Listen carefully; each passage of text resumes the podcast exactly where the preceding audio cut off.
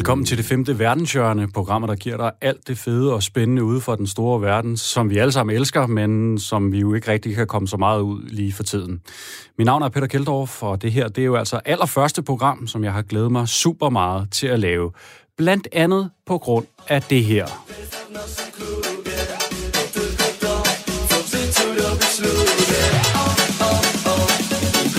Ja, der bliver danset i regiet, og det her, det er jo altså disco polo, polsk popmusik, som er blevet et politisk våben, og nu bliver omfavnet af det ledende parti i Polen.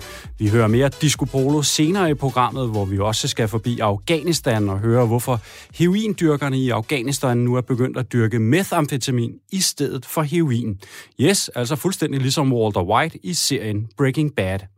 Så skal vi smage på den sydkoreanske nationalret kimchi, fordi sydkoreanerne fra de store byer nu tager på dannelsesrejse tilbage til landdistrikterne for at genlære at lave, ki- lære at lave kimchi i en søgen efter deres nationale identitet. Du lytter til Radio 4.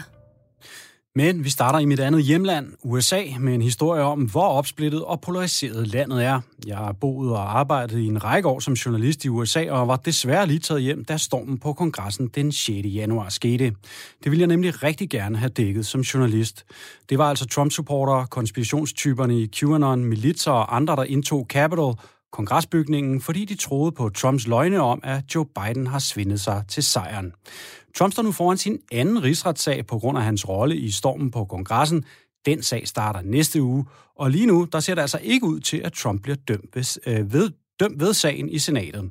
Samtidig forsøger Joe Biden så, at hele nationen, det har nemlig været hans primære budskab, det må man bare sige, det bliver svært for ham, for stormen på kongressen var det ultimative bevis på, at USA er et dybt splittet land. Både på den politiske scene, men også helt ned på det personlige plan. Og det er den slags historier, vi her på det femte verdenshjørne på Radio 4 godt kan lide. Politik er selvfølgelig vigtig nok, men her i det her program, der går vi tæt på de mennesker, som er involveret i de store verdensbegivenheder. Man plejer at sige, at splittelsen i USA går helt ind i de amerikanske hjem og familier og splitter ned ved siden af spisebordene. Og det må nu altså siges at være sandt, for en af dem, der var med til stormen på kongressen, er nu blevet angivet af sin egen søn, som har meldt ham til FBI. Lad os lige prøve at høre et klip med sønnen, der forklarer om det. I got in contact with the FBI after the Capitol riots about my dad. It was my moral compass kind of to do what I thought would protect not only my family but my dad himself. And it wasn't just because I think my dad is aggressive. I think what he's been manipulated into thinking is aggressive. Det var min moralske kompas, der fik mig til at angive min egen far. Så lyder det altså fra 18-årige Jackson Riffit fra Texas, hvis far, Guy Riffit, kom hjem fra stormen på kongressen to dage efter og sagde, ifølge sønnen, at hvis du melder mig, så er du en forræder, og forrædere, de bliver skudt. I do love him and I do care for him, but that doesn't ignore everything else he said and done. What he said, he said, and there's no taking that back. And the fact that he said that is enough for me to tell authorities. Jeg elsker min far, men derfor kan jeg ikke bare ignorere alt, hvad han siger og gør.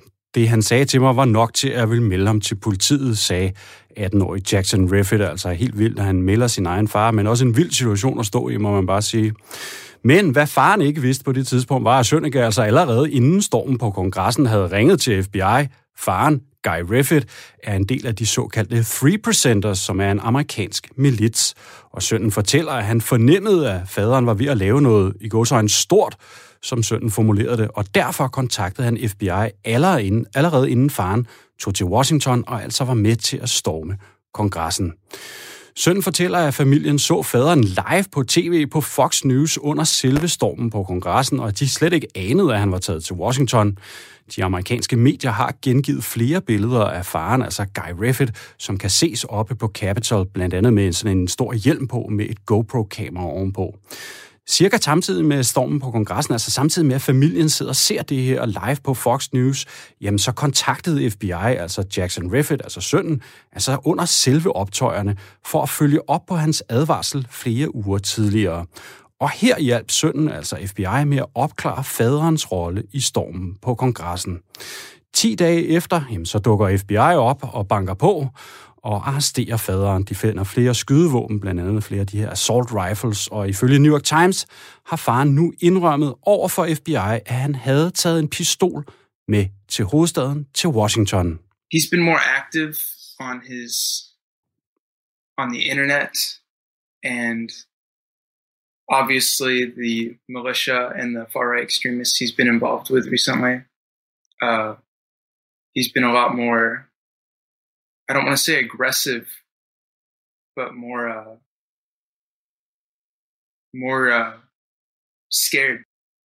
Ja, jeg snakker sønnen om øh, faderens tid i de her militser, altså han er medlem af den her 3%ers, og der er jo mange flere forskellige øh, militser i USA, som har været involveret i den her storm på kongressen. Jeg kan huske, at jeg selv har været nede og rendt lidt rundt sammen med nogen, der var nede ved grænselandet i Texas, altså samme stat som øh, den her familie, de stammer fra, og det var altså militser, som var imod illegal indvandring, hvor de så rendte rundt og legede sådan lidt øh, ekstra grænsevagter nede i grænselandet, og det er altså det er ikke nogen drenge, man, øh, man skal spøge med. Øh, de, kan sit, øh, de kan sine ting, øh, nogle af dem i hvert fald. De mener det i hvert fald øh, seriøst, og de er jo altså dybt bevæbnet, eller øh, stærkt bevæbnet. Og det, som sønnen sagde, det var, at hans far var blevet mere aktiv på internettet, også i den her milits, og i de højreorienterede grupper, som han kom. Så sagde han, at han har sådan set ikke været mere aggressiv, men han har rent faktisk været mere bange, fortalte sønnen Jackson Riffett. Altså. Den her splittelse, som vi ser, altså drevet ned igennem den her familie i Texas. Det er altså meget symptomatisk for udviklingen i USA i de her år. Landet er dybt polariseret, og hver side af det politiske spektrum hader den anden side fuldstændig. Det er som om landet er delt over i to eller, eller flere for den sags skyld grupperinger, der bare slet ikke kan klare de andre sådan en slags intern skyttegravskrig inde i landet. Øh, jeg husker, jeg boede for et par år siden i Kalifornien, og så lejede jeg sådan en, en del af en første sal i et hus, hvor moren i familien, det var sådan en klassisk amerikansk 68 år, 68'er hipper, der både var havde øh, longboards, surfboards i haven, og der var masser af weed i hendes joints. Hun var demokrat og stærkt imod præsident Trump. Så nede i kælderen, ja, der boede hendes voksne søn, kæmpe stor type med stor skæg og gik i skovmandskjort og kørte i pickup trucks. Han elskede præsident Trump og støttede hans planer om en mur mod Mexico, der jo nærmest skulle bygges øh, nede i baghaven lige ved siden af. Og sønnen havde flere af de her assault rifles, altså AR-15's og lignende, liggende nedenunder sengen i kælderen, mens hans mor gik ovenpå og brokkede sig helt vildt over Donald Trump. De to, de kom hele tiden op og skændes. Altså, det var de vildeste Thanksgivings-aftener, de holdt sig, hvor de blev fuldstændig dybt uvenner. Uh, og der, det var en klar splittet familie, som så mange amerikan, øh, andre amerikanske hjem er det i de her år. Landet er totalt opdelt, splittet, polariseret, øh, lige så polariseret, som det ikke har været siden borgerkrigen tilbage i 1860-65. Det er en glidende udvikling, som forskere siger har været på vej i hvert fald siden 1960'erne, men det er klart, at Trumps tid som præsident har gjort det meget værre. Og Joe Biden, han har jo været ude og sige, at det han vil i hans præsidentembede, det er at forene landet. Det er unity, som han siger. Han vil forene dem. Og han gentog det igen og igen i den her tale, da han blev indsat som præsident den 20. januar. Han sagde blandt andet, This is our historic moment of crisis and challenge and unity is the path forward. Man må bare sige, øh, at det får han nok øh, pænt svært ved, selvom det selvfølgelig er gode tanker. For Joe Biden, øh, vi befinder os i en tid med historiske kriser og udfordringer, sagde han. Det bliver svært øh, rent faktisk at gennemføre. Tilbage til historien om 18-årig Jackson Riffet, der meldte sin egen far fordi han nu forventer, at han bliver smidt ud hjemmefra, når faderen han kommer ud fra fængsel, jamen så har han altså startet en online indsamling, der skal betale hans collegeuddannelse, universitetsuddannelsen. Sidst jeg tjekkede, var der, hvad der svarer til omkring 750.000 kroner samlet ind. Det er dyrt at gå på college, men han er altså allerede tæt på at have nok øh, endda til et privat universitet. Et sidste spørgsmål til øh, Jackson Riffet kunne være, vil han melde sin egen far, hvis det skete igen? Yes, I would do it again.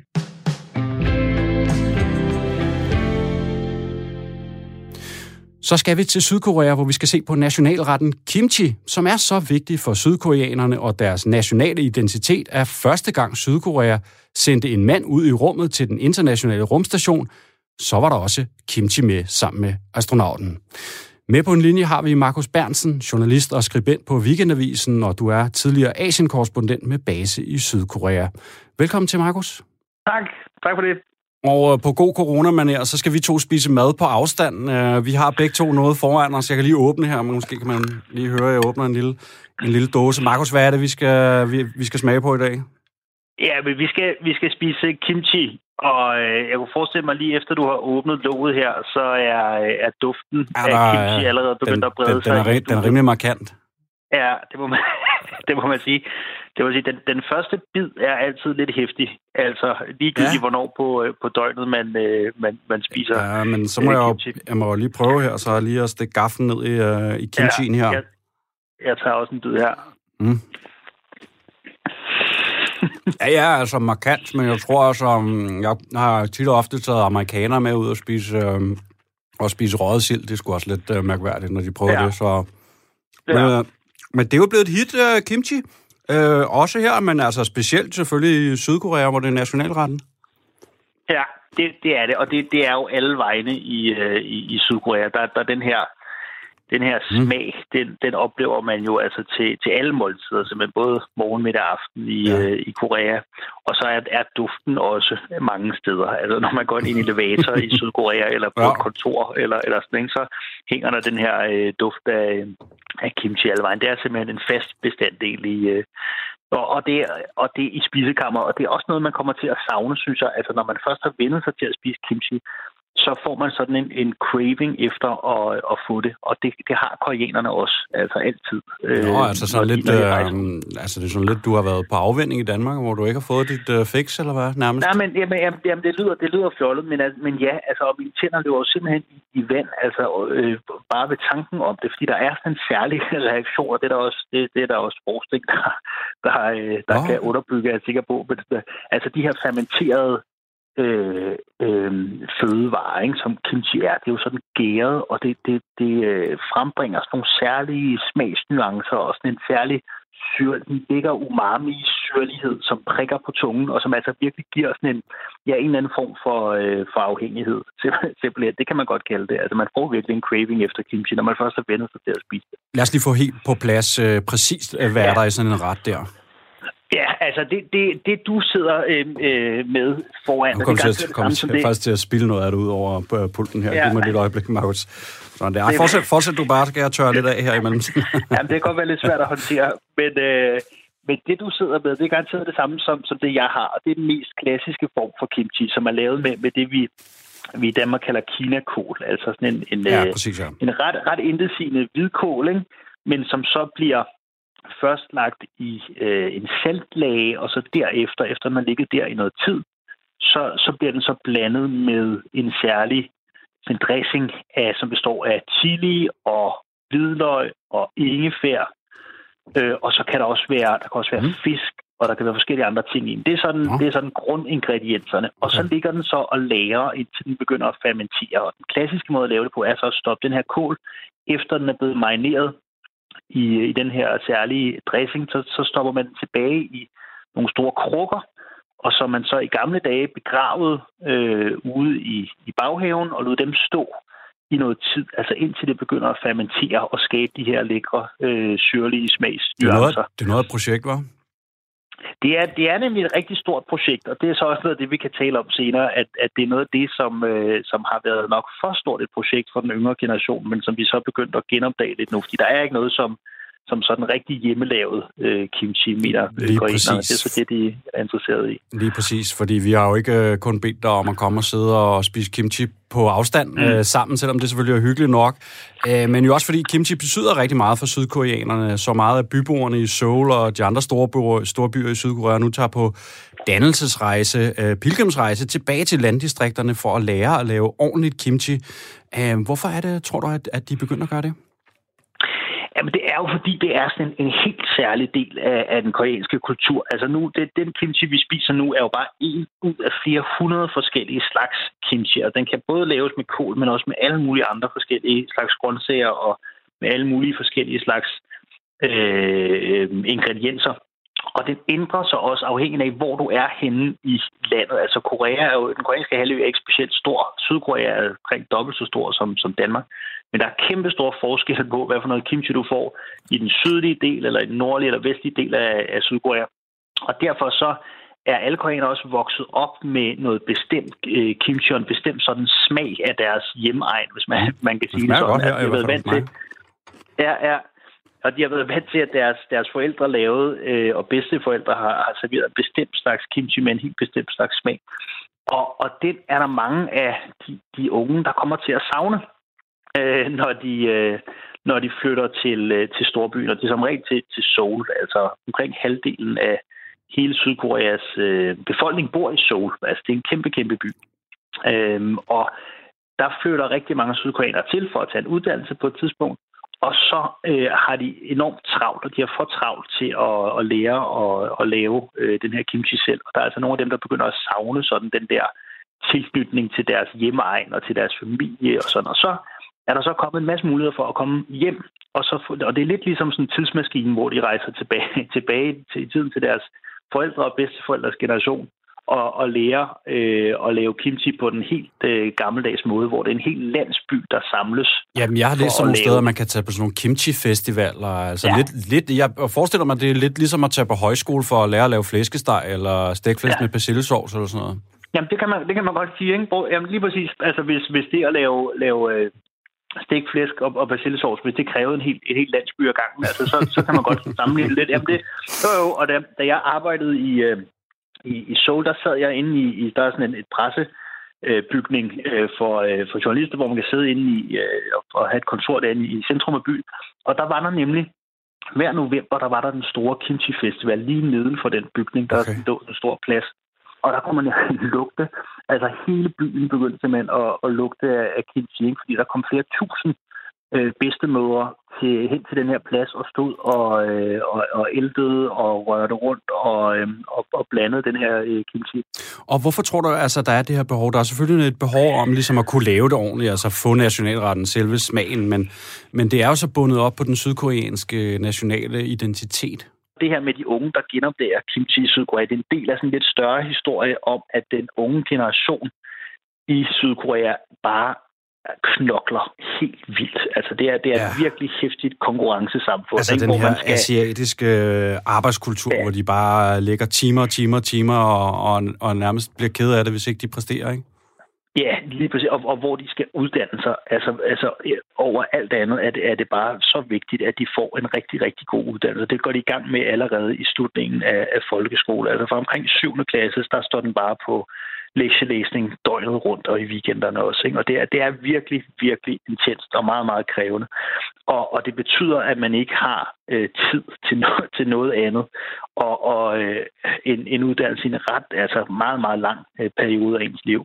Og, øh, og derfor så, så er der altså mange, der kommer til at savne nogle af de her ting. Og der, der øh, altså som for eksempel at, at lave mad, eller at, at have et, øh, en eller anden form for fysisk arbejde, eller at være øh, mere ude i naturen, eller sådan. Så, så man ser en, en øh, tendens til, at, øh, at der er mange, der prøver at vende tilbage til, til rødderne simpelthen. og prøver at og altså enten sådan prøver, enten melder sig helt ud af det her konkurrenceræs, eller også så, så gør de det sådan lidt i weekenderne, eller lidt på et kursus en gang imellem, får de lige sådan en dosis af, af det, som, øh, det, det liv, som deres øh, forældre og bedsteforældre havde, som var lidt mere sådan i kontakt med, med øh, naturen og råvarerne og, og kimchi.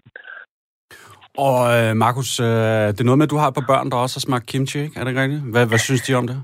Jo, jo, jo, men de var jo, øh, de, de, de kunne godt lide det, da vi boede i Korea, fordi de fik det jo hver, de fik det deres koreanske børnehave, og fik de kimchi hver dag, ikke? Og, hver dag og, simpelthen? Ja, ja, ja, ja, hver dag. Alle måltider der kimchi. Og, og der er også, altså der er, men der er også, øh, altså, der, der er virkelig mange. Det er et helt univers, man, kom, man kommer ind i, når man begynder også med kimchi. Og det, du har foran dig der, mm-hmm. det er garanteret noget, der er fermenteret i sådan et par måneder. Men det kan altså ligge helt op til et år, og så får det en helt anden øh, hæftig smag. Øh, okay. men, men der findes også i den modsatte ende af skalaen, der findes der også noget meget mild kimchi, som man kalder øh, mul eller øh, ven, ven kimchi, ja. som er, er sådan, øh, altså kun lige er, er fermenteret en lille smule og smager sådan ret, altså ret mildt. Øh, og det serverer man også typisk til børn. Altså, så er det sådan radiser og agurker og sådan noget, som bare er sådan lidt, lidt øh, mildere i smagen. Øh, og det, det var mine øh, børn helt vilde med. Og de ser jo også, øh, når der bliver taget billeder af dem, så skulle de jo også sige kimchi, fordi det er sådan, man... er sådan, man siger man, øh, smil? Man kommer til at smile. Ja, det, ja, ja. det gør man i Korea, så siger man okay. kimchi. Det er, det er over det hele. Fedt. Tusind tak for det, Markus, journalist og skribent på Weekendavisen, og altså tidligere Asien-korrespondent. Og ja, tak for den her på afstand corona-fælles kimchi-middag. Selv tak. Selv tak.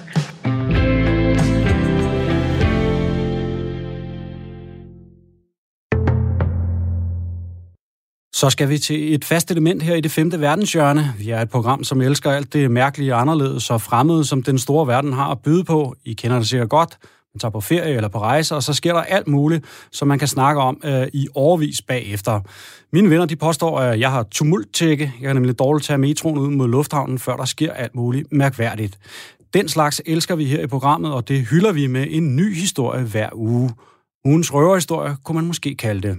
Og til dette første program har vi fået et radiofonisk postkort fra udenrigskorrespondent på TV2, Simi Jan, der har arbejdet mange år som korrespondent, primært med fokus på Afghanistan og Pakistan. Kære det femte verdenshjørne. Jeg fik lige lyst til at sende en lille hilsen fra Afghanistan. Jeg har været der mange gange. En af de gange, jeg husker tydeligst i min erindring, er, da jeg tog til Helmand-provinsen i det sydlige Afghanistan for nogle år siden. Det er et af de farligste steder i Afghanistan. Et sted, hvor Taliban kæmper også mod de danske soldater. Det gjorde de i hvert fald dengang.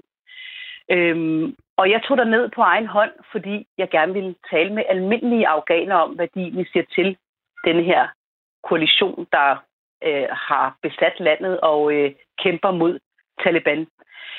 Og vi kom ind i den her stue, og der var jo fyldt med masser af børn, fordi den her journalist, han boede selvfølgelig sammen med sine brødre og svigerinder og, og niæser og nevøer og sin mor og far, og det var en kæmpe familie, som det er tit i Afghanistan. De lagde en du på gulvet, og vi satte os på det store, ægte røde tæppe og begyndte at spise en lokal ret. Vi fik grøn te med kardemomme, sådan som man ofte gør i den verdensdel, og som jeg virkelig elsker. Og pludselig var klokken blevet mange. Og den her journalist, der havde inviteret mig, som jo var sønnen, øh, sagde, jamen Simi, øh, klokken er blevet så mange. Det er lidt for farligt at køre tilbage til dit pensionat. Du ved, vi er jo i Helmand-provinsen. Hvor til jeg kiggede på uret og sagde, at klokken er jo kun lidt over ni. Jamen, du ved, hvordan situationen er. Vi kan risikere at blive skudt på vejen, eller måske blive kidnappet. Synes du ikke bare, du skal overnatte her i nat? Hvor til jeg kiggede på ham og på familien og sagde, ja tak. Selvfølgelig siger man ikke nej tak til sådan en invitation. Og i det øjeblik, jeg sagde ja tak, så kiggede den her mor på den her familie overhovedet med det store skæg og sagde, ja, du kan godt finde dig et andet sted at sove i nat, skat, fordi i nat så, skal vores kære gæst fra Danmark, Simi, sove i min seng sammen med mig. Det vil sige, familiens overhoved fik lige pludselig at vide, at han kunne godt finde et andet sted at sove, fordi nu skulle jeg jo sove i den gode seng. Og det næste øjeblik, så var jeg på vej op ad nogle trapper op til taget i Afghanistan om sommeren, når det er rigtig, rigtig varmt over 40 grader. Så sover man ofte på taget, fordi tagene er flade. Så sover man på en seng eller en madras inden jeg havde set mig om, så lå jeg pludselig ved siden af den her ældre dame i en dobbeltseng op på taget med et stort myggenet omkring os. Og jeg synes, det var en smule grænseoverskridende, for jeg havde lige mødt den her kvinde. Og hun tog så sit tørklæde af og sagde, den har jeg ikke brug for længere. Og kan du så godt, min ven? Og så vendte hun ryggen til mig og lagde sig lidt på siden. Og så lå jeg tilbage og kiggede op på stjernehimlen gennem det her myggenet, og så de her glimtende stjerner, som jeg holder så meget af i Afghanistan og Pakistan, og følte mig enormt sårbar, enormt lille i det kæmpe store univers, men jeg følte mig enormt elsket og velkommen. Jeg følte mig fyldt med kærlighed fra den her familie, som havde inviteret mig ind i deres hjerte, ind i deres hjem midt i en krigszone. Og jeg lå og tænkte, hvor ville jeg ønske, at jeg kunne dele lige præcis det her øjeblik med resten af verden jeg vidste også, at hvis der nu skulle ske mig noget, hvis nu der kom nogle mænd, der gerne ville mig noget forfærdeligt, så vidste jeg, at den her familie ville beskytte mig. Fordi blandt pastuner i Afghanistan, der er der et æreskodex. Og et af de æreskodex går ud på, at hvis man har en gæst, så er det det dyrebareste, der findes på den her jord. Så jeg lå der og tænkte, det kan godt være, at jeg ligger det farligste sted i Afghanistan, og det kan godt være, at der græder talibaner rundt omkring, og der vil mig noget ondt. Men jeg ved, at den her familie vil faktisk beskytte mig med deres liv, fordi jeg var deres dyrebare og gæst. Og den her oplevelse får mig, hårene rejser sig, og jeg bliver enormt øh, bevæget, fordi det var et så smukt et øjeblik, som jeg ofte tænker tilbage på, når jeg tænker tilbage på det Afghanistan, jeg elsker så højt, fordi jeg møder den her slags kærlighed og gæstfrihed og åbne hjerter, når jeg rejser rundt i den krigszone. Og det var altså TV2-korrespondent Simi Jan, der fortalte os denne historie fra Helmand-provinsen. Tak for det. Det femte verdenshjørn er tilbage på den anden side af nyhederne her på Radio 4. Når vi er tilbage, kan du blandt andet høre om meth i Afghanistan. Vi hører fra damen, der har strikket Bernie Sanders vanter, og så hvorfor det ledende parti i Polen nu omfavner musikstilen disco polo. Det er en slags pols pop, der nu er altså blevet et politisk våben i Polen.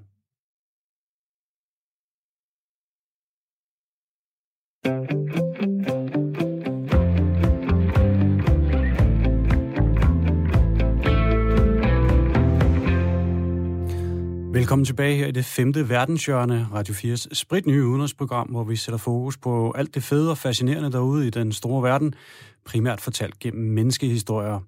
I anden halvdel af programmet kan du blandt andet høre fra damen, der har strikket Bernie Sanders vanter, Yes Yes The Mittens, som er blevet et kæmpe hit på internettet. Og så er der lidt øh, polsk populistisk popmusik til allersidst. Men vi starter altså anden halvleg med en tur til Afghanistan, som jo i overvis har været en af verdens største producenter af heroin, der blandt andet har finansieret nogle af Talibans aktioner. Men nu har narkoproducenterne fået øjnene op for et helt andet stof. This, this is art, Mr. White. Actually, it's just basic chemistry, but thank you, Jesse. Det er bare kemi, lyder det her fra Walter White til sin marker Jesse Pinkman i serien Breaking Bad, der jo handler om methamfetamin, som flere af heroindyrkerne i Afghanistan nu er begyndt at dyrke i stedet for heroin. Ifølge en EU-rapport fra European Monitoring Center for Drugs and Drug Addiction har methproduktionen i Afghanistan potentiale til at blive lige så stor som heroinproduktionen. Lad os lige høre et klip fra en methbruger i Afghanistan. शीशे बसे और काम دیگه اینا لیدن سه چهار سال دیگه شیشه زیاد شده تازه هم کلا طبقه جوان Ja, meth var meget sjældent her i Afghanistan, men i de sidste 3-4 år er det blevet meget mere populært, specielt blandt de unge, fortalte altså en methbruger i hovedstaden Kabul i et klip fra YouTube. Med os nu på en linje fra London har vi Sune Engel Rasmussen, mellemøstkorrespondent fra Wall Street Journal og forfatteren bag bogen Nyt Blod, der er bygget på den tid, du boede i Afghanistan. Velkommen til dig, Sune. Hej, tak skal du have. Uh, Sune, vi hører nu her, at meth bliver mere populært i Afghanistan. Hvorfor er det? Altså, narkotika generelt er jo, er jo ret udbredt i Afghanistan af forskellige årsager. Primært fordi det er meget billigt, fordi det produceres i Afghanistan. Øh, og så tror jeg også, at, øh, at øh, den armod og fattigdom, som, som præger store del, stor del af Afghanistan, er også med til at skubbe folk, især unge mænd, ind i, ind i stofmisbrug. Af den samme årsager, som man ser andre steder i verden, hvor der er hjemløshed og, og dyb fattigdom. Øh, at det er, det er en måde at lindre øh, en smertefuld og hård hverdag på. Det er en måde at finde øh, et fællesskab. Øh, mange af de folk i Afghanistan, som bruger narkotika, er for eksempel folk, der er kommet fra Iran eller Pakistan, som er vendt tilbage, enten fordi de er, de er migrantarbejdere, som er, blevet, øh, som er blevet smidt ud, eller migrantarbejdere, som har samlet en, øh, et misbrug op, hvor altså, altså øh, levestandarderne i Afghanistan, og så det faktum, at, at, at narkotika er lige så billig som, som brød nærmest.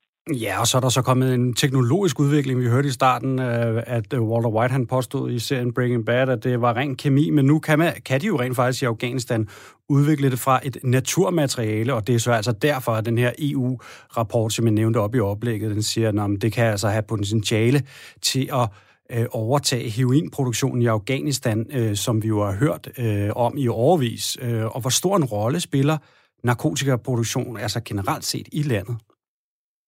Det spiller en stor rolle, og, og, og det er også interessant, den her rapport, som du nævner, øh, øh, som viser, at man nu kan Øh, lave øh, metamfetamin ud af, af, af den her plante efedra, øh, som, er for, som bliver fundet i det vestlige del af Afghanistan. Øh, opiumplanten, øh, som, som heroin kommer fra, som har været udbredt i Afghanistan i årtier, øh, findes primært sydpå og i den østlige del af landet. Og Afghanistan er jo, er jo primært et øh, landbrugsland, og, og ikke et specielt veludviklet øh, landbrugsland. Øh, og, og mange år, der har opiumvalmuer været den mest profitable afgrøde, du kunne dyrke som bonde i for eksempel Helmand, hvor, hvor de danske soldater var udstationeret i mange år. Øh, og det betyder, at selvom man fra regeringens side og fra vestlige regeringers side har forsøgt at underminere øh, narkoindustrien øh, i Afghanistan, for eksempel ved at, at tilbyde bønder andre afgrøder, så har det ikke virket. De andre afgrøder simpelthen er ikke lige så øh, profitable. Så det eneste, man egentlig kunne gøre, det var, at man kunne gå ind og, og, og destruere de her marker, og det har man for det meste valgt ikke at gøre. Det tror jeg, fordi hvis man gjorde det, så ville man, øh, hvis man, hvis man destruerer øh, bøndernes levebrød uden at give dem et alternativ, så risikerer man at stå med et stort, et stort oprør på hænderne simpelthen. Så, øh, så bønderne har ikke et alternativ. Jeg ved, at der var jeg rejst i Helmand mange gange, og jeg har blandt andet besøgt en, en bomuldsfabrik, øh, eller en tekstilfabrik, hvor de, hvor de brugte lokal bomuld, og der er simpelthen ikke marked for det. Øh, andre ting, som, som man har forsøgt at være safran, man har forsøgt øh, pistache, nødder, alle sådan nogle øh, andre afgrøder, som, som der er et vist marked for, men slet, slet ikke noget, der kan måle sig med, med, med opium. Derudover så, så spiller korruption også en stor rolle, øh, og der er masser af politichefer, lokale guvernører, forskellige øh, forskellige magthavere rundt omkring i Afghanistan, som har forstået at, at tjene en masse penge på, på øh, narkoindustrien, og det er med til at holde den liv. Og det gælder jo også, øh, også øh, Taliban selvfølgelig, som også har, øh, får en stor del af profitten fra den her industri. Du talte lidt om, om de her bønder, øh, Sune, der var involveret i heroinproduktionen, valmoproduktionen. Kan du prøve lige at beskrive for os, øh, der ikke har været der, hvordan ser der ud nede øh, omkring der, hvor, hvor den slags bliver produceret? Jamen, det er sådan nogle meget... Øh, det er især Helmand, hvor jeg så har rejst i de her valmuemarker. Og Helmand er jo et meget smukt område, meget øh, frodigt omkring de her kanaler øh, og floder, som løber gennem provinsen. Og de her valmuemarker, når de står i flor, øh, som i øjeblikket sker to gange om året, så øh, folk ved, hvordan de her valmuer ser ud. De er så meget farverige, øh, hvide eller farverige, står øh, helt synlige fra vejen, når man sådan kører rundt i Helmandets øh, enorme marker med, med valmuer, hvor, øh, hvor bønderne så går inde på marken og høster ved håndkraft. Øh, og det, man gør, når man høster sådan nogle valmuer, det er, at man øh, snitter øh, i selve, selve knuppen eller selve, selve blomsten. Øh, og så løber der sådan noget, nærmest noget harpex, øh, sådan klistret, klistret væske ud af planten, som man så samler op dagen efter, efter den sådan er stået og, og sevet ud. Og det er så det her harpex-lignende øh, materiale, som, som bliver lavet til, til heroin eller andre opiater øh, senere. Og, men jeg har aldrig set noget lignende, når man sådan kører igennem Helmand, øh, når, når, når de her blomster står i flor. Det er meget, øh, meget smukt, men selvfølgelig også øh, tankevækkende, når man ved, øh, hvad, hvad planterne i ende bliver, bliver brugt til. Og Sune, prøv at sætte nogle ord på sådan helt generelt. Hvordan er situationen i Afghanistan nu, sikkerhedssituationen? Jamen, den, øh, den er meget bekymrende. Øh, som, som jeg lytter måske ved, så, øh, så indgik USA en fredsaftale med Taliban for omkring et år siden, som, øh, som indebar, at de sidste amerikanske soldater skulle forlade landet inden maj i år, i 2021, øh, mod at Taliban så ville skrue ned for volden, og at de ville påbegynde fredssamtaler med den afghanske regering. Øh, og de samtaler med den afghanske regering, de er i gang i øjeblikket i Katar, og efter planen, så skulle de amerikanske soldater så rejse ud til maj. Vi får se, om det kommer til at ske, fordi øh, Taliban har ikke levet op til den anden del af aftalen, nemlig øh, blandt andet, at, man, at, at de, ville, øh, de har forpligtet sig til at holde internationale terrorbevægelser ude af Afghanistan, forhindre dem i at, at lave base der, men også at, at, at skrue markant ned for voldshandlingerne mod den afghanske regering. Og, og det er ikke sket. Øh, faktisk så er antallet af angreb på regeringstropperne er, er steget voldsomt siden den her fredsaftale, vi indgået sidste år. Der er færre mennesker, der bliver dræbt, og det har blandt andet noget at gøre med, at Taliban ikke laver de her store øh, selvmords, øh, selvmordsangreb på afghanske byer. Det har også noget at gøre med, at amerikanerne øh, nærmest ikke laver nogen luftangreb længere. De, de plejer at slå, slå en del civile ihjel også. Men men antallet af angreb er steget, og det betyder, at øh, og der er også en masse øh, likvideringer i, i, øh, i hovedstaden Kabul især, og det betyder, at, at afghanerne, hvem sidst jeg var i Afghanistan, var, var i november, og, og der var en, en meget, der var meget udbredt frygt blandt øh, afghanere i regeringskontrollerede områder for, at Taliban simpelthen ville, ville øh, komme tilbage og enten tage magten militært, hvis amerikanerne de forlader landet, eller øh, gennem de her fredsforhandlinger få så meget politisk magt, at de kunne, at de kunne ændre øh, den politiske orden i, i øh, Afghanistan og, og rulle nogle af de landvindinger tilbage, f.eks. på menneskerettighed og demokrati, øh, som, som er gennemgået siden 2001. Vi simpelthen kan rulle dem til, tilbage. Så, så sikkerhedssituationen er ikke god, og, og mange afghanere er, er nervøse for fremtiden. Danmark har, vi har jo stadig omkring sådan 145 soldater, der fungerer som rådgiver for den afghanske her. Og nu har du lige talt om, om amerikanerne kan sådan præsidentskiftet derovre. Kan det betyde noget for, om de kommer ud til tiden eller, eller ej? Det er et godt spørgsmål, og det, øh, altså udebart så kommer det ikke til at, tror jeg, at have den store indflydelse på, hvad kan man sige, på det generelle, øh, den generelle, generelle tendens, at øh, amerikanske soldater skal ud af Afghanistan. Her, den, øh, her i midten af januar, der øh, nåede antallet af amerikanske soldater ned på 2.500, og det er altså ned fra omkring 100.000 for, for 10 år siden. Og det var som en del af den aftale, som Donald Trump lavede med Taliban.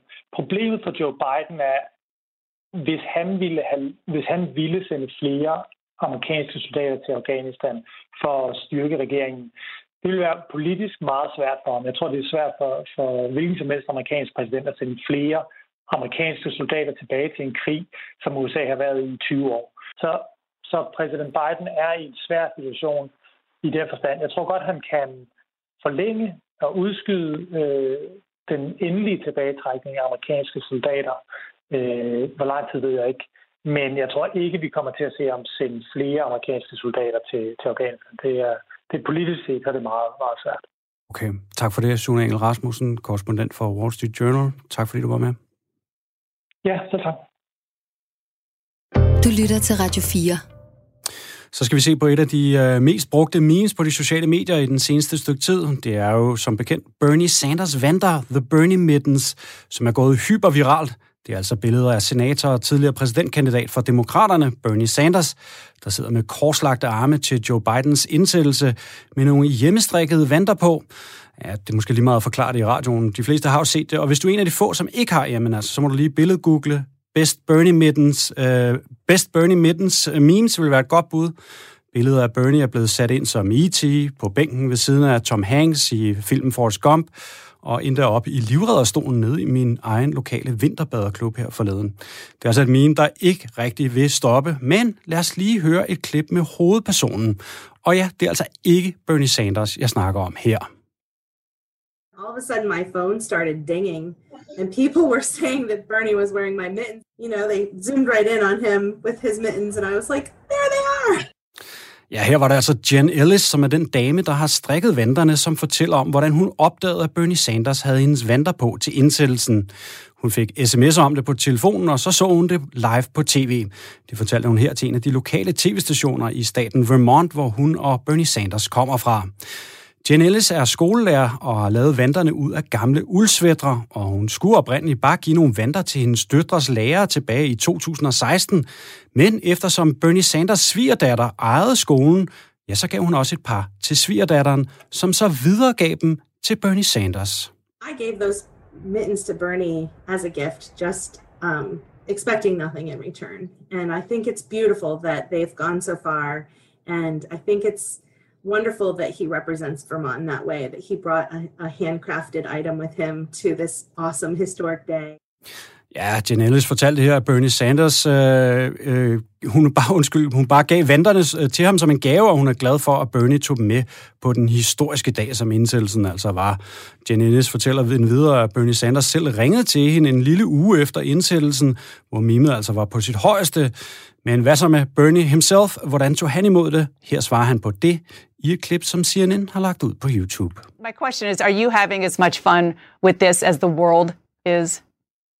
I am, and I am, and not only are we having fun, what we're doing here in Vermont uh, is we're going to be selling around the country Ja, Bernie siger her, at han har lige så meget sjov med det som resten af verden. Det tvivler jeg nu en lille bit smule på, for verden har eddermame haft det vildt over de vanter. Og så kommer den øh, gamle socialist, eller måske socialdemokrat, skal man jo nærmere kalde ham det, med en god gammeldags øh, amerikansk kapitalisme, øh, kapitalistisk oplysning til sidst i klippet. Jeg ved ikke, om man lagde mærke til det. Men vanterne og alt muligt andet merchandise, altså t-shirts med Bernies billede på, hvor han sidder med vanterne med de der korslagte arme, ja, det skal så nu sælges.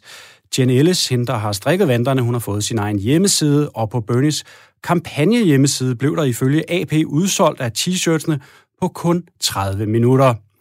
Overskud fra både Jen Ellis egne vanter, som røg på aktion forleden, og Bernies øh, spin-off-produkter går til velgørenhed.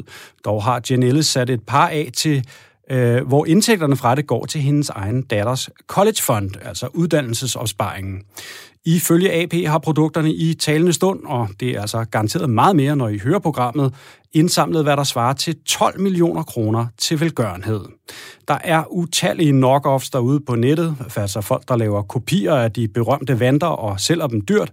Og på Twitter, ja, der skriver Jen Ellis, at hun nu er i gang med at opskalere produktionen. Bernie Mittens for all, skriver hun. Og du ved, at det bliver et hit over hele verden. Vi her på det femte verdenshjørne giver gerne et par Bernie Sanders-vanter til den første lytter, der skriver til os her på vores helt nye program, det femte verdenshjørne på Radio 4. Hvis du fortæller os, hvorfor netop du skal have et par Bernie Sanders-vanter, jamen så kan du vinde et par. Du kan nå os på mailadressen det femte verdenshjørne, snabelag radio4.dk, og det er så hjørne med O og E i stedet for Ø.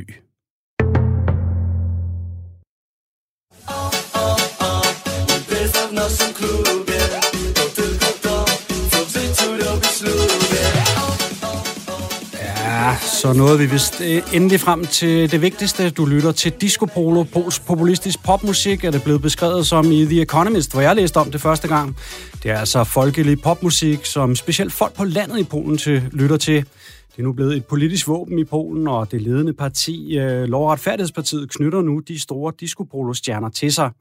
Det er jo altså det her parti, som har haft magten flere gange, øh, og sidst siden 2015 indført en række reformer, som blev stærkt kritiseret blandt andet fra os i det vestlige EU. Det skal vi høre lidt mere om senere, men først lad os lige høre en lille bitte smule mere øh, disco polo, og hvad det så end er.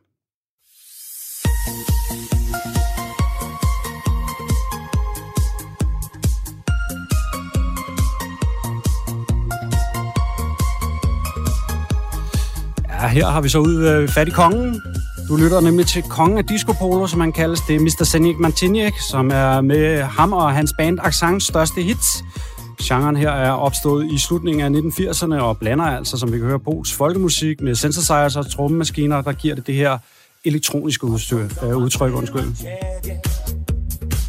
Nie mogę jeść, nie mogę spać Jak do tego doszło, nie wiem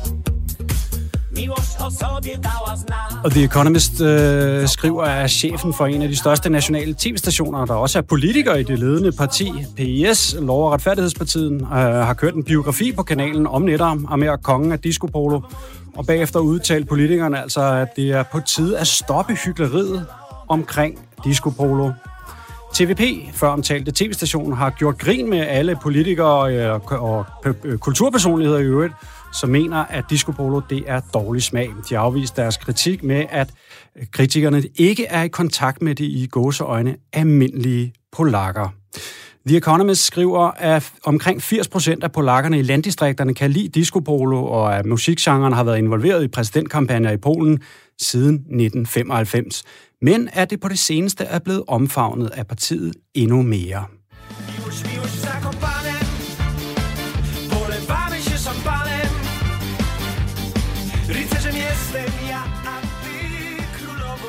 Ja, her er det så et andet kæmpe hit i Polen. Kærlighed i Zakopane med Slavomir. Og på YouTube, altså en video, der er set, hold nu fast, 230 millioner gange på nettet. Pænt populær her. Øh, det er jo så lidt en mere rocket udgave, vil jeg sige. Der er vist også noget med, at øh, der er en rock-polo-genre. Måske ude i en lille uh, smule crossover her. Den kom vi en lille spidt smule hurtigt ud af, det må jeg undskylde, men øh, med mig nu på en telefon skulle jeg have Anna Werenberg, Polens ekspert og forskningsmedarbejder ved Koldkrigsmuseet på Langelandsfortet, Du har læst øh, i Polen i Krakow øh, og har beskæftiget dig med Polen i mange år. Velkommen til dig, Anna. Tak. Nu hører vi alt det her øh, popmusik, øh, discopolo, øh, men du er jo ekspert i øh, de politiske forhold i Polen, og prøv at sætte nogle ord på, hvorfor det er vigtigt for Lov- og Retfærdighedspartiet at knytte sådan nogle folkelige sanger eller kulturpersonligheder i det hele taget, som for eksempel de her discopolo-stjerner, at, at de knytter dem så til partiet. Ja, altså man kan sige, at politikere alle steder kan jo godt lide at knytte sig til sådan en folkekultur. Altså det kender vi jo også i Danmark, hvor alle politikere elsker at fortælle om, at de spiser stikflæsk og røde pølser og sådan noget, og Joy Mogensen er ude og, og tale om um, Absolute Music og så videre. Men, men det er helt klart, at, øh, at PIS, regeringspartiet i Polen, de har gjort meget for at knytte an til helt almindelige mennesker, altså folkekulturen. Og de har ikke været bange for at gå imod øh, sådan eliternes smag. Øhm, og altså et andet rigtig godt eksempel, det var for et par år siden, hvor Polens præsident Andrzej Duda, han var nede og besøge sådan en lille by i det sydlige Polen, hvor han så blev budt op til folkedans. Og så dansede han med der, og der blev lagt et klip ud på YouTube, og det gik jo viralt. Altså, hvis man har set ham, så ved man, at han er sådan høj og ranglet og lidt kajtet i sin bevægelser og sådan noget. Han er måske ikke den store, den store naturlige danser? Ej, ej, det var han ikke.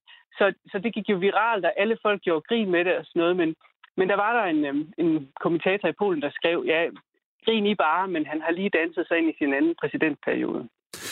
Og de her... Og, og den vandt Hov, han jo jeg her bare. Den vandt han. Ja. Øh, De her personer, som de gerne vil henvende sig til, altså landbefolkningen, skriver øh, meget om i den her artikel fra The Economist, som jeg refererer Ja. til. Øh, Hvad, hvad for nogle slags øh, personer er det? Jamen altså, PIS har jo rigtig godt fat i, i folk i landsbyer, men også i mindre byer. Sådan, altså i Polen er mindre byer jo sådan 50.000 til 100.000 indbyggere. Øh, helt almindelige mennesker, også ofte dem, som ikke har så meget uddannelse.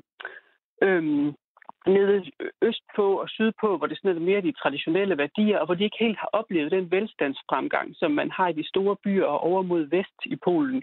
Så det er helt klart de vælgergrupper, som måske føler, at de er blevet lidt snydt øh, de seneste årtier i den fremgang, der har været, de ikke helt er kommet med.